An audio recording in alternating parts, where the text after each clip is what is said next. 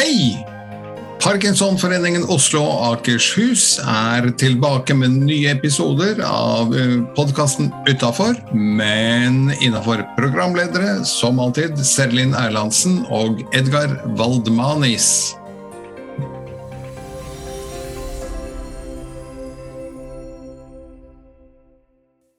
Hei, jeg heter Serilin, og ved min side, sommerbrun og fin, har jeg Edgar heter jeg. Du er ikke så verst sommerbrun du heller. Hva har du gjort i sommer? Du, eh, jeg har jo som vanlig hengt ute på den lille ø eh, ute i uh, fjorden. Eh, ja. og Der går du jo rundt og griller deg sjøl eh, med om det er fint vær eller dårlig vær. Du går rundt i sirkel, enten med barn eller eh, rundt og luker i hagen. Så jeg er ikke en soler, men eh, jeg har aldri vært så brun som etter jeg fikk hytte. Nei. Og denne hytta ligger på Linnøya, som ligger ute i Oslofjorden. Det er bare sånn et kvarter ut fra bryggekanten, eller er det ikke det? Med båt? Jo. Små, små hytter. Det er jo helt fantastisk. Mens alle andre sitter i kø til Sørlandet i fire og fem timer, så bruker du ett kvarter med båten fra rådhuskaia ut. Vet du hva? Det kler min personlighet så godt. For det er én ting jeg ikke er, så er det god på kø. Generelt sett ikke så tålmodige. Så, så, jeg er veldig fornøyd med det valget om å skaffe seg hytte der.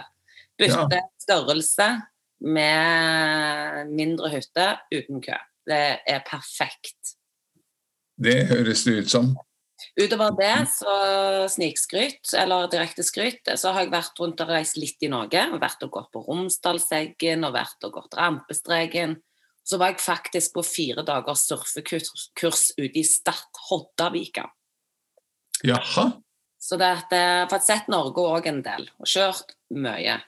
Ja. Så jeg har fått gjort litt av hvert, og det har vært helt fantastisk. Så flott. Du da, Edgar, hva du har gjort?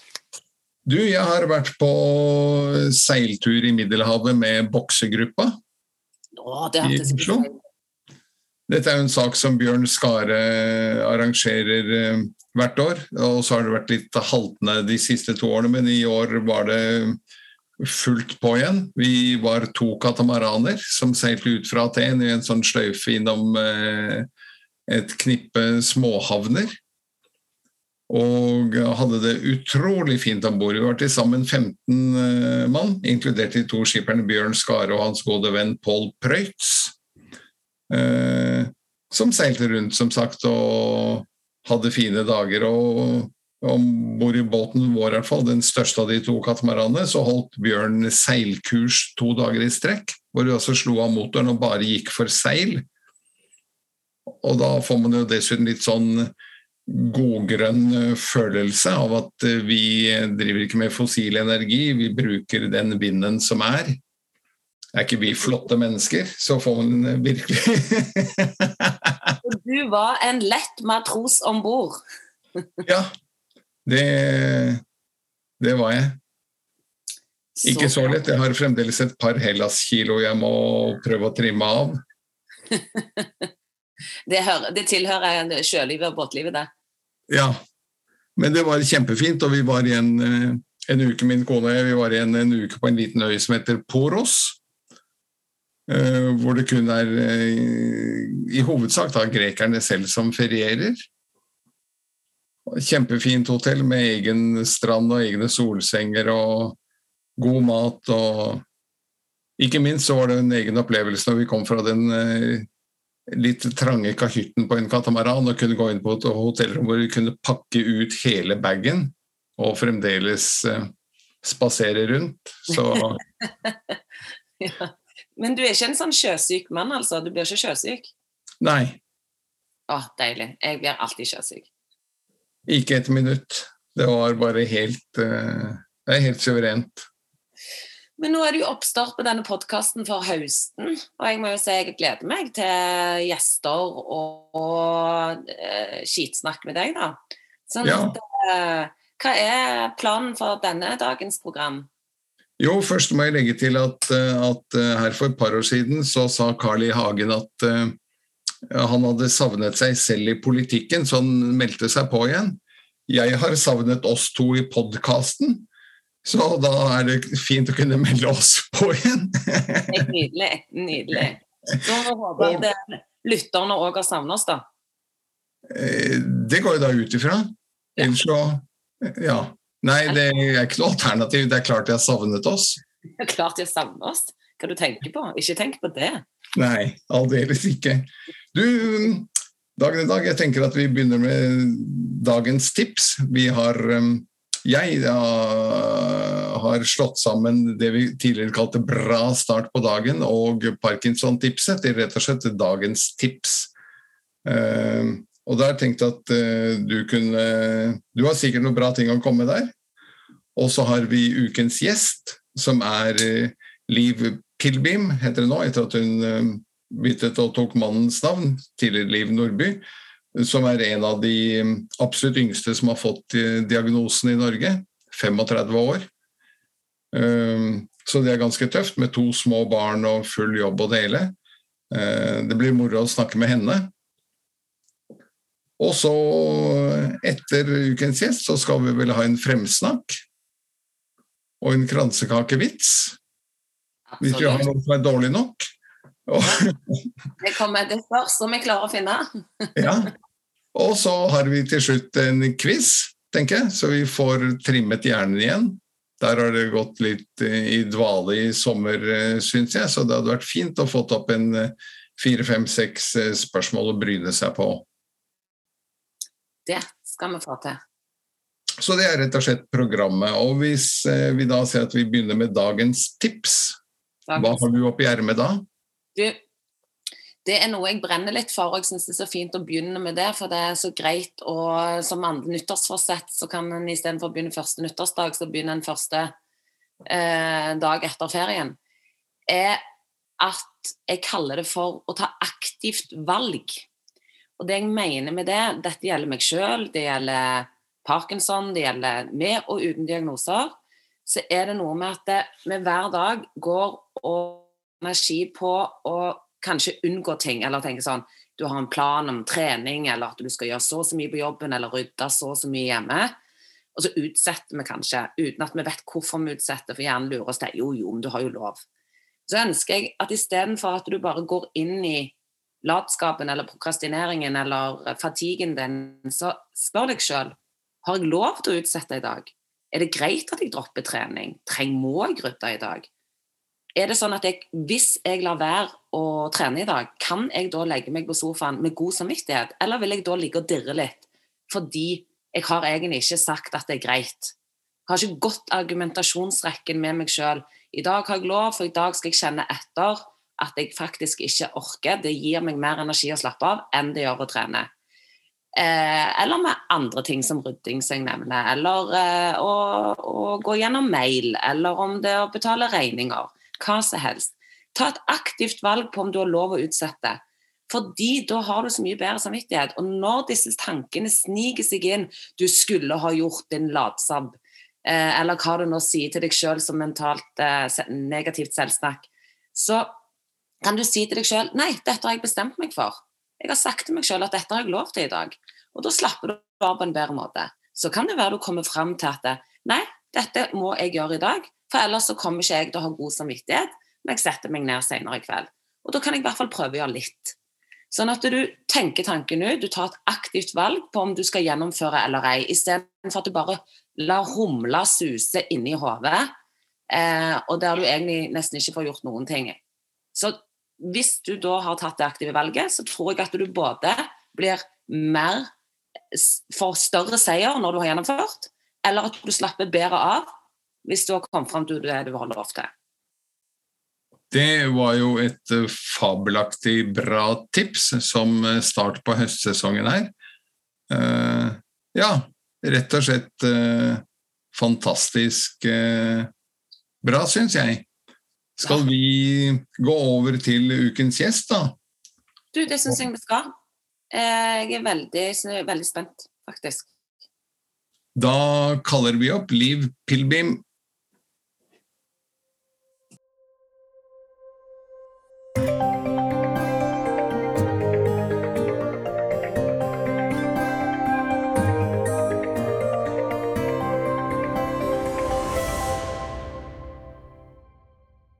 Da har vi fått på plass uh, ukens gjest i sofaen, og det er Liv Pilbim fra Oslo. Hjertelig velkommen inn, Liv. Tusen takk. Veldig hyggelig. Velkommen. takk, takk. Du mm, konkurrerer jo med forrige ukens gjest, altså han vi avsluttet med før sommeren. Rune Wete om å være den yngste som har fått diagnosen i Norge. Hvor gammel var du da du fikk diagnosen? Ja, han, eh, han, vinner nok eh, med et år, tror jeg, fordi jeg var 35. Eh, ja, akkurat. Det er jo ganske ungt, det også.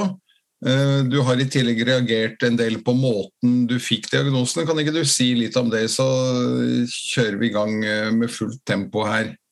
Ja. nei, jeg vil først og fremst si at jeg er sikker på at alle som jeg har møtt innenfor helsesystemet, har gjort så godt de kunne innenfor de rammene de har. Um, men for min del var det et enormt sjokk å være småbarnsmor, um, ammende, ammende småbarnsmor, um, med et barn på elleve måneder og få beskjed om at jeg har Parkinsons. jeg var helt uforberedt på det selv, da det var de rundt meg som egentlig eh, ba meg om å sjekke ut hva det kunne være for noe. Um, så ja. Uh, jeg, jeg, fikk beskjed per telefon at jeg hadde fått uh, Parkinsons. Um, og, uh, og, så snakket vel legen en stund om, om, Michael J. Fox, og at det går fint med, med han. Um, og så sa hun vel at hun skulle høre fra seg når hun kom tilbake fra vinterferien. Og der satt jeg i elleve dager. Å, fy søren. Ja, så det var, var veldig hardt. Men ja, ja, dette var jo en privatpraktiserende som aldri hadde sett noen på min alder før. Når jeg prøvde å få litt mer informasjon om f.eks. hva jeg kunne forvente, så har jeg jo skjønt at dette er jo det alle går gjennom når de, når de får en sånn beskjed. Men jeg husker så godt f.eks. at jeg sa men når jeg løper, så, så, løper jeg faktisk kjempebra. Jeg løper akkurat som jeg alltid har løpt. Hvordan er det mulig? Og da fikk jeg til svar Klarer du fortsatt å løpe? Og jeg ble ganske redd av, av sånne svar. Um, og jeg tror at hvis jeg hadde møtt en lege som um, kanskje hadde sett noen på min egen alder før med diagnosen, så hadde jeg ikke hatt sånne opplevelser. Mm. Fordi da Hun henviste meg videre til, eh, til Ullevål, der de har et eh, litt større apparat med andre typer eksperter på området.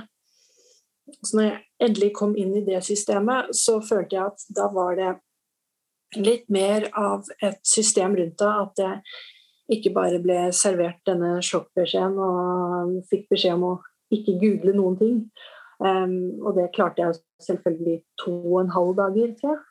Ja. Fordi man har jo bare sitter der med 100 millioner spørsmål. Ja. Um, spesielt rundt det her med barna mine. Hva skjer nå? Ja, ja du er i øh, Du er i full jobb. Hvordan går det med to små barn og Parkinson-diagnose? Jo, um, så så langt så har jeg vel um, Så sliter jeg for det meste bare med fatiguen. Um, har blitt utrolig sliten av Sinametten og kanskje eldrebrillen. Um, vet ikke egentlig hva det kommer av. Jeg var jo sliten fra før av og trodde at det egentlig bare hang, hang sammen med at jeg var småbarnsmor. Ja. Um, men nå har jeg på en måte anerkjent at jeg trenger å um, legge meg nedpå eh, etter jeg har spist lunsj, eh, og har en helt fantastisk arbeidsgiver som har tilrettelagt med hvilerom, som jeg får lov til å benytte eh, ja, sånn som det passer for meg. Og jeg er utrolig takknemlig.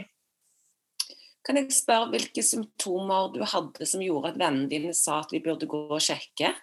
Ja, det var, det var, mannen min som pusha på.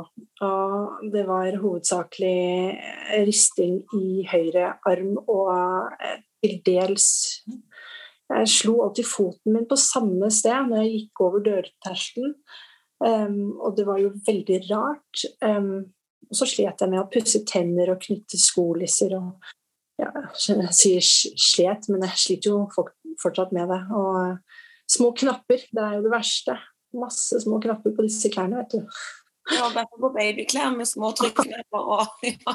Det er helt håpløst. Det er som Parkinsons verste Ja.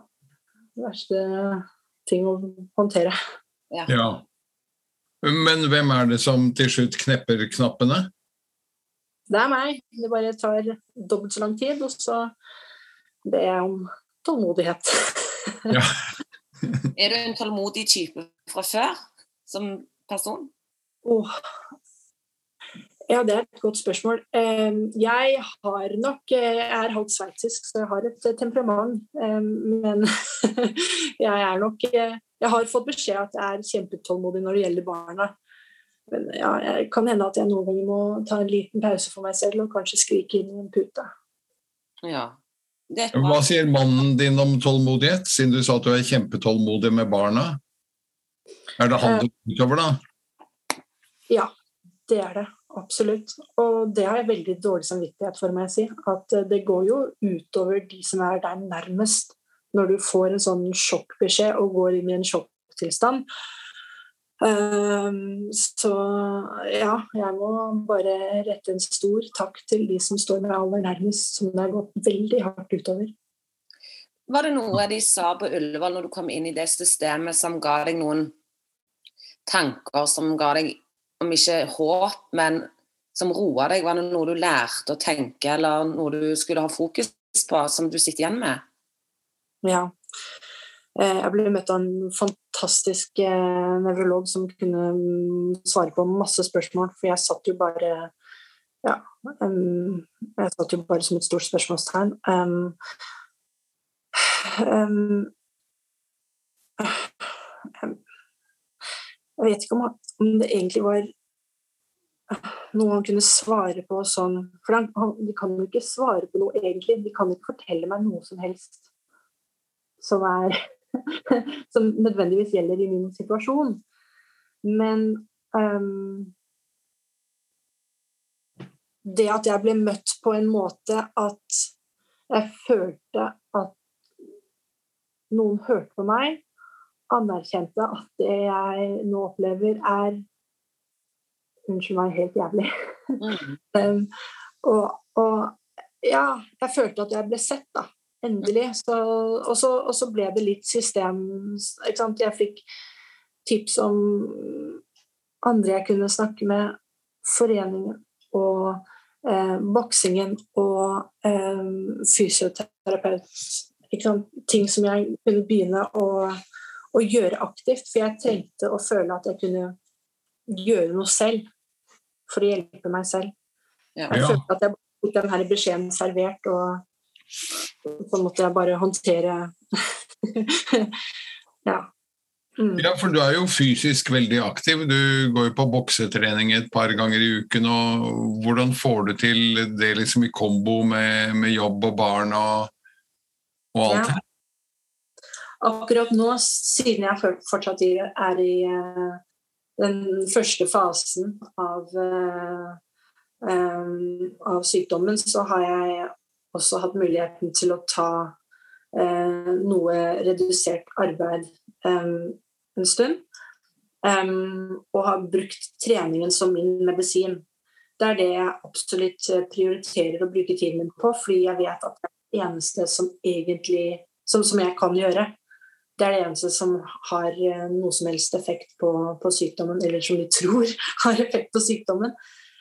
Så psykisk sett så tror jeg at det gjør veldig, veldig mye for meg. Og at jeg kan, at jeg kan trene tirsdag og torsdag i arbeidstiden min. Og da, da, prioriterer jeg det, å få lov av, av min arbeidsgiver å, å bruke tiden på det. Ja, det er jo fabelaktig. Hva, en ting er at eh, ledelsen har lagt til rette. Hvordan har kollegene for øvrig reagert? Ja, det er, det er helt utrolig. Um, av ti, eller altså 99 av 100 personer som jeg har levd det for, uh, har vært kjempestøttende og jeg har, blitt, jeg har, blitt, kjent med folk på en helt ny måte. Mange har faktisk delt med meg ting som de aldri har fortalt meg før. Um, og sånn sett så må jeg si at jeg har fått veldig mye av diagnosen. Um, fordi, han, fordi ja, folk ser meg på en litt annen måte, virker det som. Ja. har lyst til å det, det, blir mindre overfladisk, hvis det gir mening. Ja, det gir veldig mening. Og livet er jo litt sånn at det, hvis du ser på vennskap, da, ja. så blir en jo nærere en venn som deler, enn en venn som ikke deler. For det, det må være en balanse i vennskapet, og det gjelder jo kolleger òg, eller familiemedlemmer. Vi skjuler jo, for vi tror at det, liksom, det lurer instinktet altså, å skjule, og så er det jo motsatte som er riktig. Det, det, er helt fantastisk, fordi man vet aldri hva en person går og bærer på. Mm. Eh, blir du møtt med at de har du, har jo da, eh, du har jo da vært veldig åpen, skjønner jeg, både på arbeidsplassen og overfor familie og, og andre venner? Ja, eh, og det er også interessant, fordi den første spesialisten som jeg er borti, fortalte meg at det kanskje var lurt å ikke dele og ikke fortelle noen på jobben, og prøve å, skjule symptomene så lenge som mulig, siden jeg var såpass ung. Ehm, hun tenkte nok på at dette kommer nok til å gå utover mine jobbmuligheter, og ja, at det nok kommer til å være ganske vanskelig for folk å forholde seg til, eh, til meg. Og jeg skjønner godt at uh, den personen tenkte at det var en veldig lur ting altså et, et tips uh, å, å, gi meg. Uh, fordi jeg, skjønner absolutt det poenget. Uh, det har jo sikkert hatt en påvirkning på min videre jobbmuligheter, f.eks. Men for min del og meg personlig så tror jeg at det har gitt meg veldig mye å være åpen og dele. Fordi det var som å få en kjempestor ørefik. Eh, hvis du skjønner hva jeg mener? Eh, og, ja, ja, det, er tøff, det, er jo en tøff diagnose å få. Jeg husker jo selv da jeg satt hos, eh, hos nevrologen og han så på meg, og så sa han Og da kan vi fastslå at det er. Og så gikk liksom klaffen ned, men nå var den ikke så veldig lenge ned hos meg heller, før jeg tenkte at eh, kan jo like så godt si det som det er i diverse fora, for jeg klarer ikke å gjemme unna dette uansett, tenkte jeg. Så gikk jeg stikk motsatt retning og, og delte med både venner og, og andre. Eh, og jeg vil si at det har vært udelt positivt. Ikke sant? Udelt eh, jeg opplever jo også at veldig mange bruker meg som et slags legeleksikon. Når jeg er borte i noe hyggelig lag, så begynner folk å stille spørsmål, og så kommer det ene etter det andre etter det tredje. Og, og folk lurer på det utroligste med parkinson. Ja. Hvor jeg må svare på det meste. Jeg tenker jo at som fagperson da, og helsepersonell så trodde jeg at vi hadde kommet så langt at alle anbefalte å ikke skjule. Eh, uansett. Og Det gjelder jo både for at vi skal ha åpenhet om helse, og tenker jeg, og alle må jo velge sin vei, men det går jo òg på det at når en prøver å skjule, så forverrer ofte symptomene seg. Ja. Opplever du det, Liv? Jeg er helt enig. Altså, livet er for kort for smalltalk. Jeg, jeg, jeg, ja. Bare det, Ja, jeg er helt enig. Uh, her skal vi bare ja, gjøre det så enkelt mul som mulig for folk. Kunne du noe om parkinson fra før? Vært borti noen med parkinson? Ja, altså jeg visste jo at det var en sykdom som gamle folk fikk. Unnskyld meg, men det var jo det jeg trodde. Jeg tror det er det mange tror. At uh, det er noe forbeholdt folk som er mye, mye eldre de som får bladet i posten vi er over 60. Ikke sant? ja.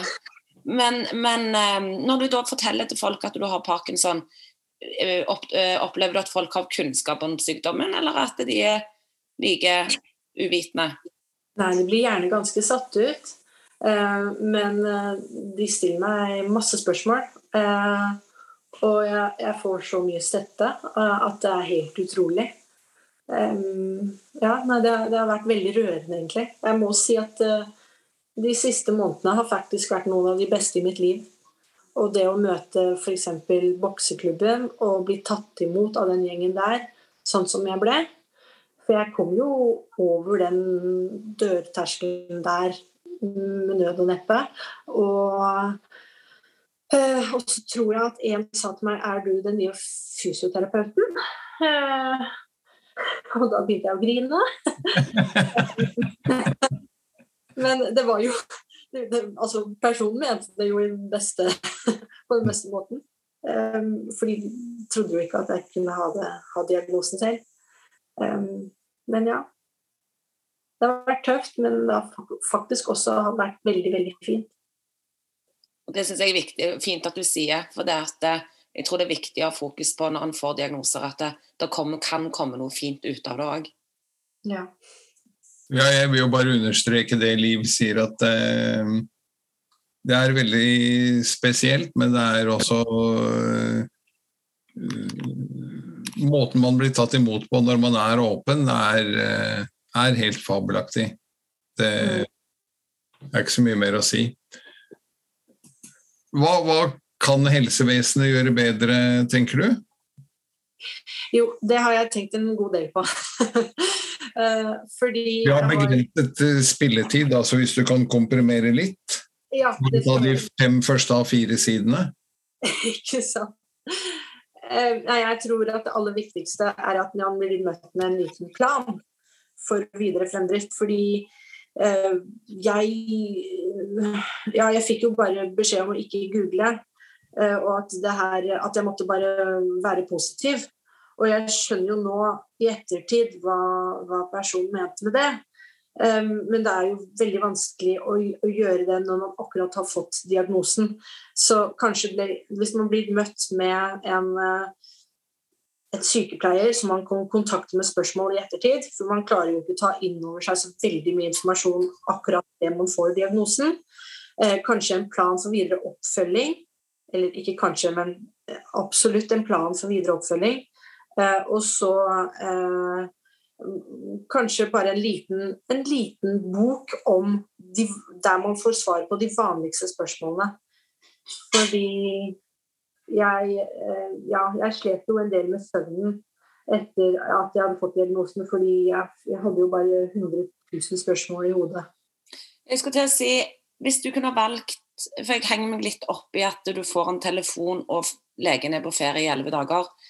Eh, og dette er jo en diagnose som kunne ha venta med å kanskje fått i elleve dager. At eh, hun kom og kom tilbake. Eh, de elleve dagene er ikke så prekære å få den diagnosen på. Hadde det vært en forskjell? Det hadde absolutt, men der må jeg ta må, der, der, må jeg si at det var jeg som ringte til legen og sa nå må jeg få svar. Ja. Fordi jeg syntes, at, jeg syntes at det hadde gått så lang tid. Og jeg begynte vel å føle at nå burde dere litt i mosen at det er noe som, som er som holder på å skje. Og så fikk jeg jo spørsmål fra mannen min om hva skjer nå. Hva, fikk du svar fra den DAT-scannen? Og jeg huska jo sånn cirka at jeg hadde vært på DAT-scan, for jeg gikk jo i ammetåka og tenkte mm. ikke på meg selv i det hele tatt. Men eh, ja, det var jeg som, som sa at nå må jeg få et svar. Og det var derfor hun, hun sa det over telefonen. Hun hadde nok aller helst lyst til um, å si det til meg ansikt til ansikt. Men hun hadde også fortalt meg at jeg ikke skulle ha med meg barnet mitt når jeg kom til, til, neste time. Og det var da jeg begynte å skjønne at det var noe som hun måtte fortelle meg. hvis du skjønner hva jeg mener. Ja, ja. Eh, så ja. Det var, det, var, det var, en vanskelig situasjon for henne også. Ja. ja. Men jeg er helt enig. Mm. Det som er trist, Nå husker jeg ikke 100 statistikken, Edgar. Husker du, er det per fastlege i Norge tre maks i løpet av sin liksom, arbeidskarriere at de møter på en med parkinson? Sånn, ja, det er noe sånn Tallene hopper litt Det er nesten litt sånn tenk på et tall, men det er i hvert fall eh, ikke fælt mange en vanlig fastlege har. Nei, hvis man regner at de har ca. 1000 pasienter på pasientlisten, en del av dem gjerne mer enn 1000, så er det fremdeles bare par-tre pasienter med parkinson i den uh, pasientmassen. Og uh, hvis man skal ta hvis de skal lese seg opp på alt som er for en så liten gruppe, så begynner vi å stille høye krav til fastlegene, syns jeg. Så Det er der den viktige jobben med Parkinson Nett, som du kanskje har vært borti i liv, der den får disse her der det er Nå prøver vi å lage en oversikt over sykepleiere, ergoterapeuter, fysioterapeuter, logopeder som en kan bli, få kontakt med. Ja, jeg tror det er jeg, vil legge til at jeg syns jo at uh, fastlegene skulle være litt ambassadører for uh, Like litt. De skulle rett og slett være Parkinson-forbundets beste ambassadører, hvor de bare sier at dette klarer ikke jeg å lese meg opp på nok.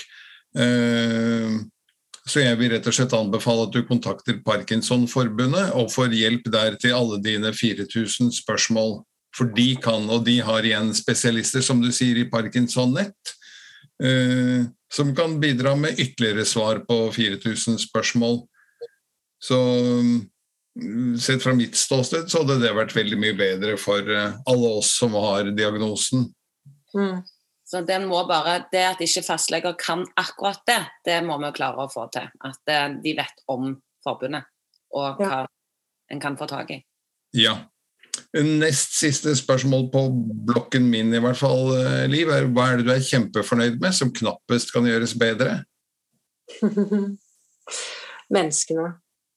Altså Jeg har møtt så mange flotte folk eh, innenfor dette miljøet. Det Ja, det, får meg nesten å tenke på at det, det er en det er en likhet med alle de som jeg har møtt med parkinson. De er bare helt fantastiske folk eh, som stiller opp for hverandre. Um, men det var kanskje ikke det du var ute etter? Jo. jeg syns for så vidt det var veldig hyggelig. For uh, det gir jo også støtet til et annet argument at på medlemsmøtene i de forskjellige lokalforeningene så kommer jo bare noen veldig få av, uh, av medlemsmassen og, og deltar.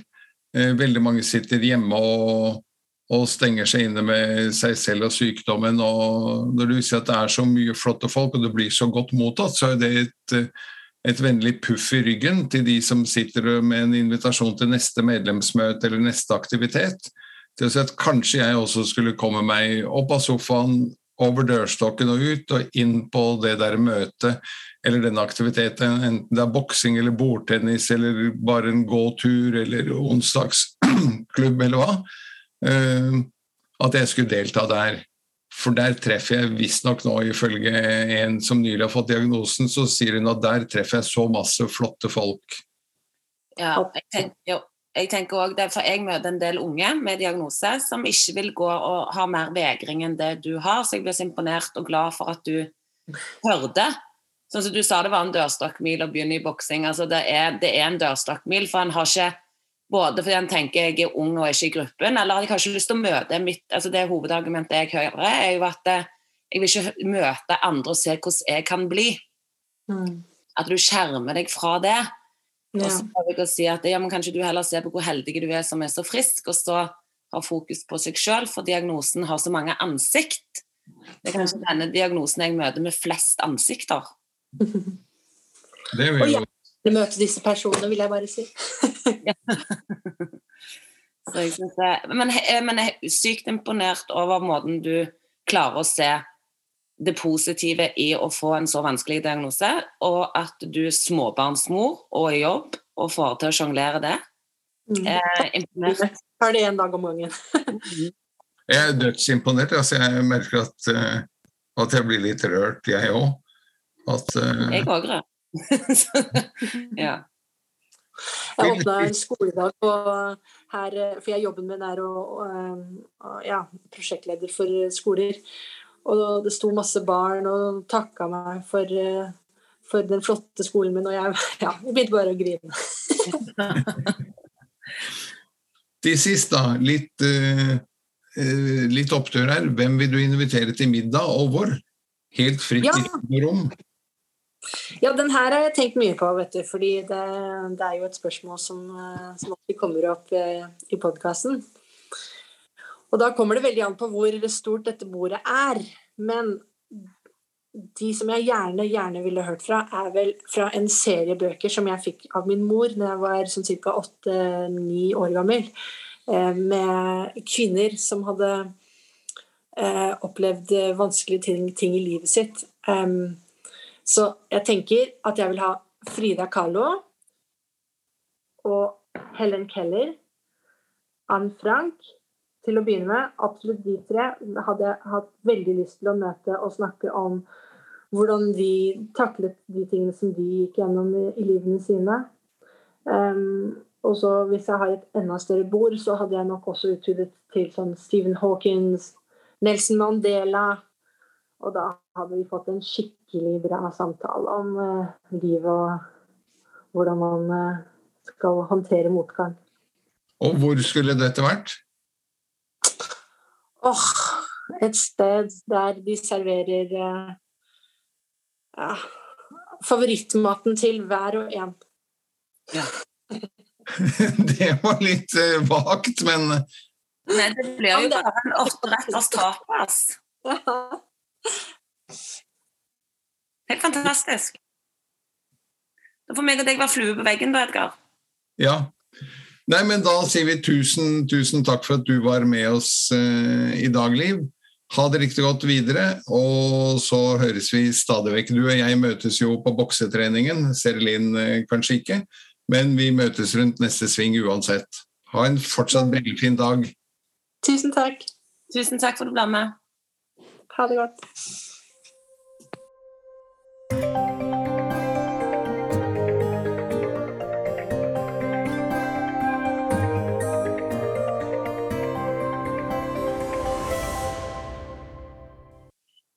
Ja, det var rett og slett Liv eh, Pilbim. Det jeg oh, Sterkt. Sterkt, rørt og bare sykt imponert over at noen klarer å bevare så godt humør. Um, skulle håpt det var meg. Ja. Det var eh, Det var veldig sterkt, syns jeg. Jeg hadde litt problemer der underveis, eh, faktisk.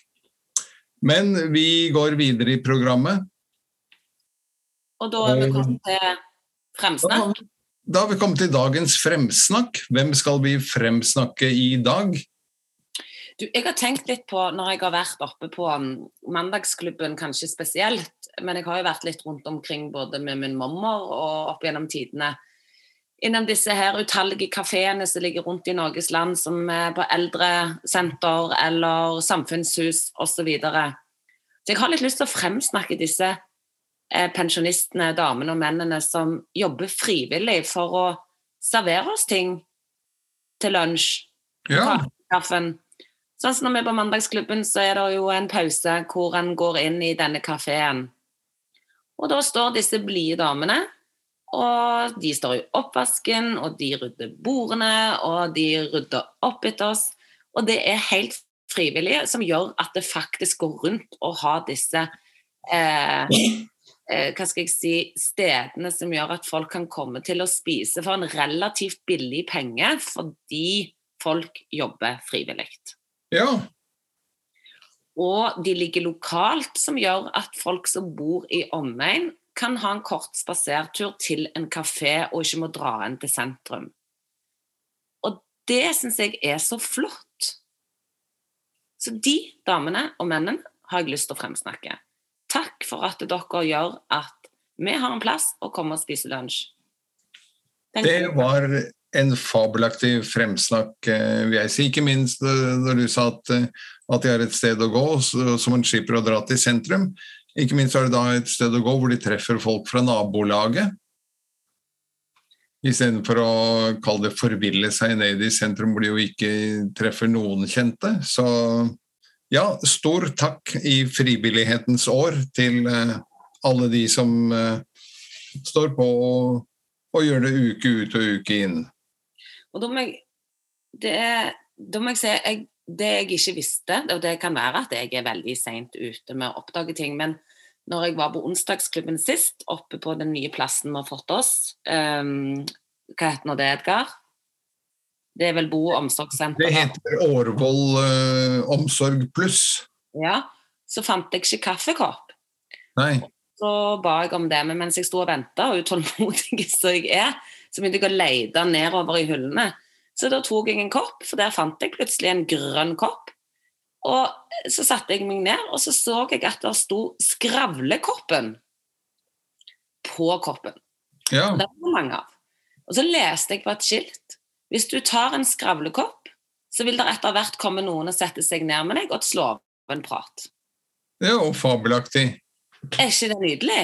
Og det er visst rundt omkring på disse stedene at det er sånn at det, en av de ansatte da kommer og setter seg ned og slår av en prat med deg, hvis du da kjenner at du har behov for å prate. Og da trenger det ikke være dype ting, det kan være bare at du har lyst til å snakke om været. Ja. Så stor takk til disse stedene som oppmuntrer nabolaget til å komme innom, så du slipper å sitte hjemme og føle deg ensom. Flott. Det var en bra fremsnakk som legger lista ganske høyt for fremtidige fremsnakk. Eh, Der vi ikke legger lista så fryktelig høyt, er eh, kransekakevitsen. Hvor lavt ligger lista i dag? Lavt.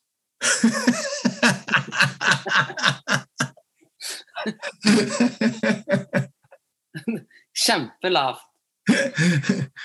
Han ligger så lavt at han er ganske kort, faktisk. Ok. Vet du hva jeg kjøpte meg? Er det en del av vitsen? Ja, Ok, den er et spørsmål, altså. Nei, jeg vet ikke hva du kjøpte deg. jeg kjøpte meg en ny kortstokk. Men vet du hva jeg fant ut? At fire av kortene var knekt.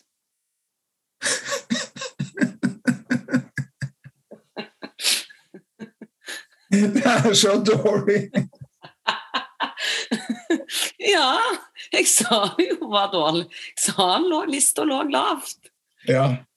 Jeg vil at Vi sender en særskilt hilsen til eh, Gunn-Marit Walslag, som eh, rett og slett elsker disse kransekakevitsene. Hun har flere ganger lurt på om vi ikke burde kutte ut, siden det er så lavt nivå. Men vi skal jo ha noe som er lavterskel også, skal vi ikke det? Vi skal lavere enn lavest. Nemlig. Ja. Så da fikk du den eh, denne uken, eh, Gunn-Marit. Du er jo ellers ansvarlig for eh, park og kultur, og har vel eh, litt høyere nivå da, men eh, da dekker vi alle behov. Vi dekker alle behov. Absolutt alle. Men det som er så fint, er jo at nå skjønner alle at alle kan fortelle en vits. Fordi vi legger listen så lavt. Ikke sant? Ja. Det som er fint, er at noen husker jo Noen er konsekvent sånn at de husker vitsen, men de husker feil poeng. Ja. Så de kommer ut og sier at eh, fire kort var kløverrotte, eller noe sånt. Og da Da blir han enda bedre. Da blir han enda bedre. Det, det må de ikke finne på.